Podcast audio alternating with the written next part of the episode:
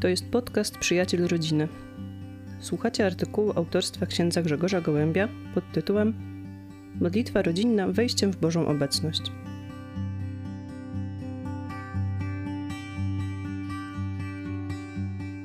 Ślubuję Ci miłość, wierność i uczciwość małżeńską oraz, że się nie opuszczę aż do śmierci.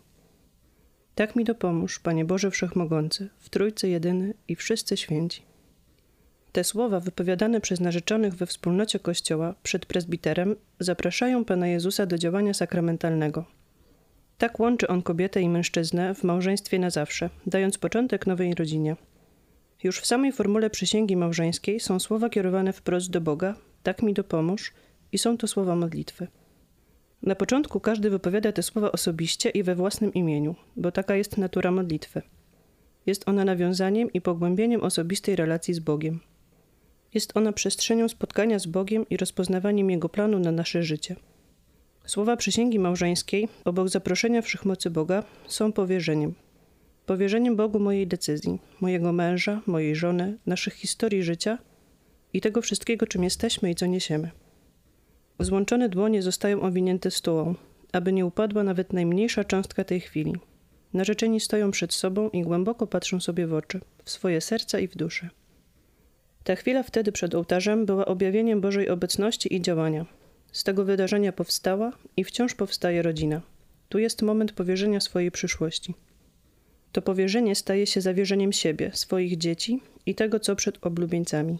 Dlatego wzywamy wszechmocy Boga, aby dopomagał odnajdywać swoją obecność w każdej sytuacji życia. To powierzenie staje się zawierzeniem siebie, swoich dzieci i tego, co przed oblubieńcami. Dlatego wzywamy wszechmocy Boga, aby dopomagał odnajdywać swoją obecność w każdej sytuacji życia, aby w jego świetle rozeznawać drogi wspólnego życia i uczyć się jedności na wzór Trójcy Świętej. Modlitwa małżeńska rozrasta się w modlitwę rodzinną i staje się środowiskiem życia dla każdego członka rodziny. W polskiej tradycji mamy przysłowie: bez Boga ani do proga. Co stanie się, gdy odejdziemy od tej Bożej obecności, czy wręcz zaimpregnujemy się na nią? Papież Franciszek mówił o tym 7 maja 2019 roku w Skopie. Uwierzyliśmy, że konformizm zaspokoił nasze pragnienie i doszliśmy do pojęcia się obojętnością i niewrażliwością. Karmiliśmy się marzeniami o świetności i wielkości, a skończyliśmy na używaniu rozrywki, zamknięciu i samotności. Nasyciliśmy się połączeniami i zatraciliśmy smak braterstwa. Szukaliśmy szybkiego i pewnego rezultatu, a jesteśmy uciskani przez niecierpliwość i niepokój. Będąc więźniami świata wirtualnego, zatraciliśmy gust i smak rzeczywistości. Samotność i zamknięcie to jedno z oblicz przeżywanego czasu. Samotność boleśnie może przejść w zamknięcie. Potem z całą swoją pustką otwierają się drzwi izolacji i pretensji, aby zamknąć nas w przekonaniu, że jesteśmy sami, że nikomu na nas nie zależy, że nasze życie nie ma sensu. Ile takich czy podobnych ciemności nosimy w sobie? Wejście w modlitwę, napełnienie siebie Bożą obecnością staje się ocaleniem. Rodzina jest wspólnotą niosącą w sobie Bożą obecność. Małżonkowie są konsekrowani w sakramencie małżeństwa na każdą sytuację, jakiej przyjdzie im doświadczyć. Czemu rozwijając wszystkie prezenty otrzymane w dniu ślubu, tego daru mocy łaski Bożej nie rozwijają? Przecież gdzie jest mężczyzna i kobieta, tam jest raj. Bóg ma taką moc, aby to uczynić. Z modlitwą jest jak z deszczem, który pada na górę. Woda wsiąka i napełnia ją, a potem znajduje ujście w bogactwie strumyków i kaskad. Jedna z pań opowiadała mi, jak chciała zachęcić męża do codziennej lektury Słowa Bożego. Namawiała, naciskała i nic. I zaczęła obserwować męża. Zobaczyła, że przy śniadaniu przegląda prasę, więc obok gazet kładła na stole Biblię. Potem zostawiała już tylko samo Pismo Święte. I opowiadała, jak pewnego ranka mąż wszedł do sypialni i powiedział do niej: Dziś nie położyłaś Biblii na stole, więc sam ją tam przyniosłem. Każdy rodzic chce, aby jego dziecko miało udane życie bez większych porażek. Rodzice podejmują szereg działań, aby zapewnić dzieciom wszechstronny rozwój i dobrze przygotować je do dorosłego życia. Aby w tym poszukiwaniu i proponowaniu przestrzeni rozwoju nie zabrakło obecności Boga. Mądrość rodzicielska polega na przekazaniu dziecku przekonania, że Bóg jest i chce dla nas pełni życia. W poruszających słowach w Łowiczu 14 maja 1999 roku Mówił o tym święty Jan Paweł II, papież rodziny. Z pomocą przychodzi wam sam Jezus Chrystus. Ku niemu kierujcie wzrok. Niech będzie obecny w waszych myślach, podczas waszych zabaw i w waszych rozmowach. Z nim winniście żyć zawsze w przyjaźni.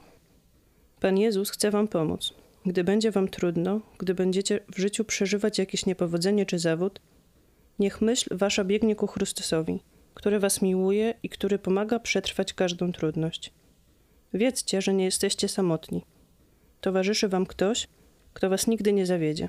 Chrystus rozumie najtajniejsze pragnienia waszego serca.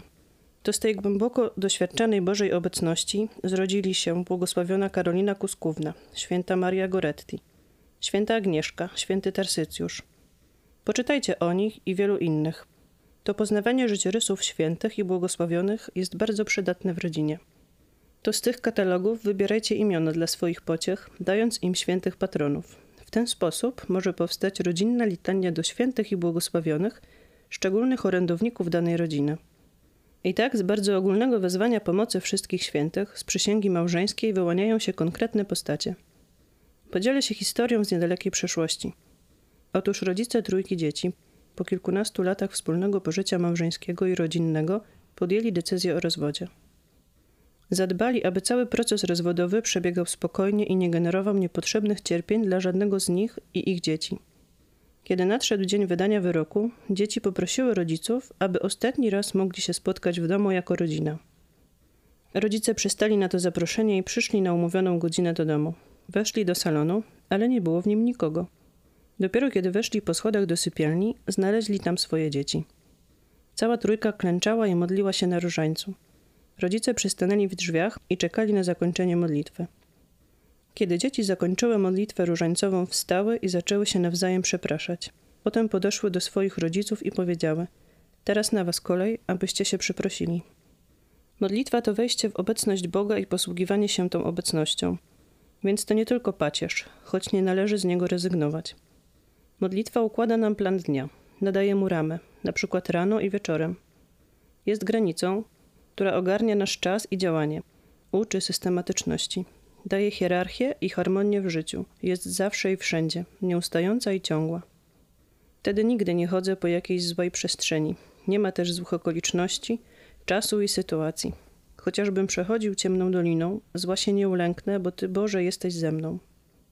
Na zakończenie niech przemówi jeszcze raz święty Jan Paweł II z Bowicza. Drodzy rodzice, dobrze wiecie, że nie jest łatwo w dzisiejszych czasach stworzyć chrześcijańskie warunki potrzebne do wychowywania dzieci. Musicie czynić wszystko, aby Bóg był obecny i czczony w waszych rodzinach. Nie zapominajcie o wspólnej codziennej modlitwie, zwłaszcza wieczornej, o świętowaniu niedzieli i uczestniczeniu we mszy świętej niedzielnej. Jesteście dla swoich dzieci pierwszymi nauczycielami modlitwy i cnót chrześcijańskich i nikt was w tym nie może zastąpić. Zachowujcie religijne zwyczaje i pielęgnujcie tradycję chrześcijańską. Uczcie dzieci szacunku dla każdego człowieka. Niech waszym największym pragnieniem będzie wychowanie młodego pokolenia w łączności z Chrystusem i Kościołem. Tylko w ten sposób dochowacie wierności waszemu powołaniu rodzicielskiemu i potrzebom duchowym waszych dzieci.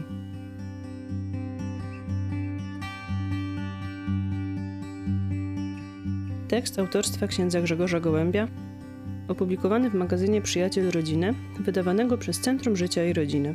Nowe podcasty ukazują się w każdy poniedziałek.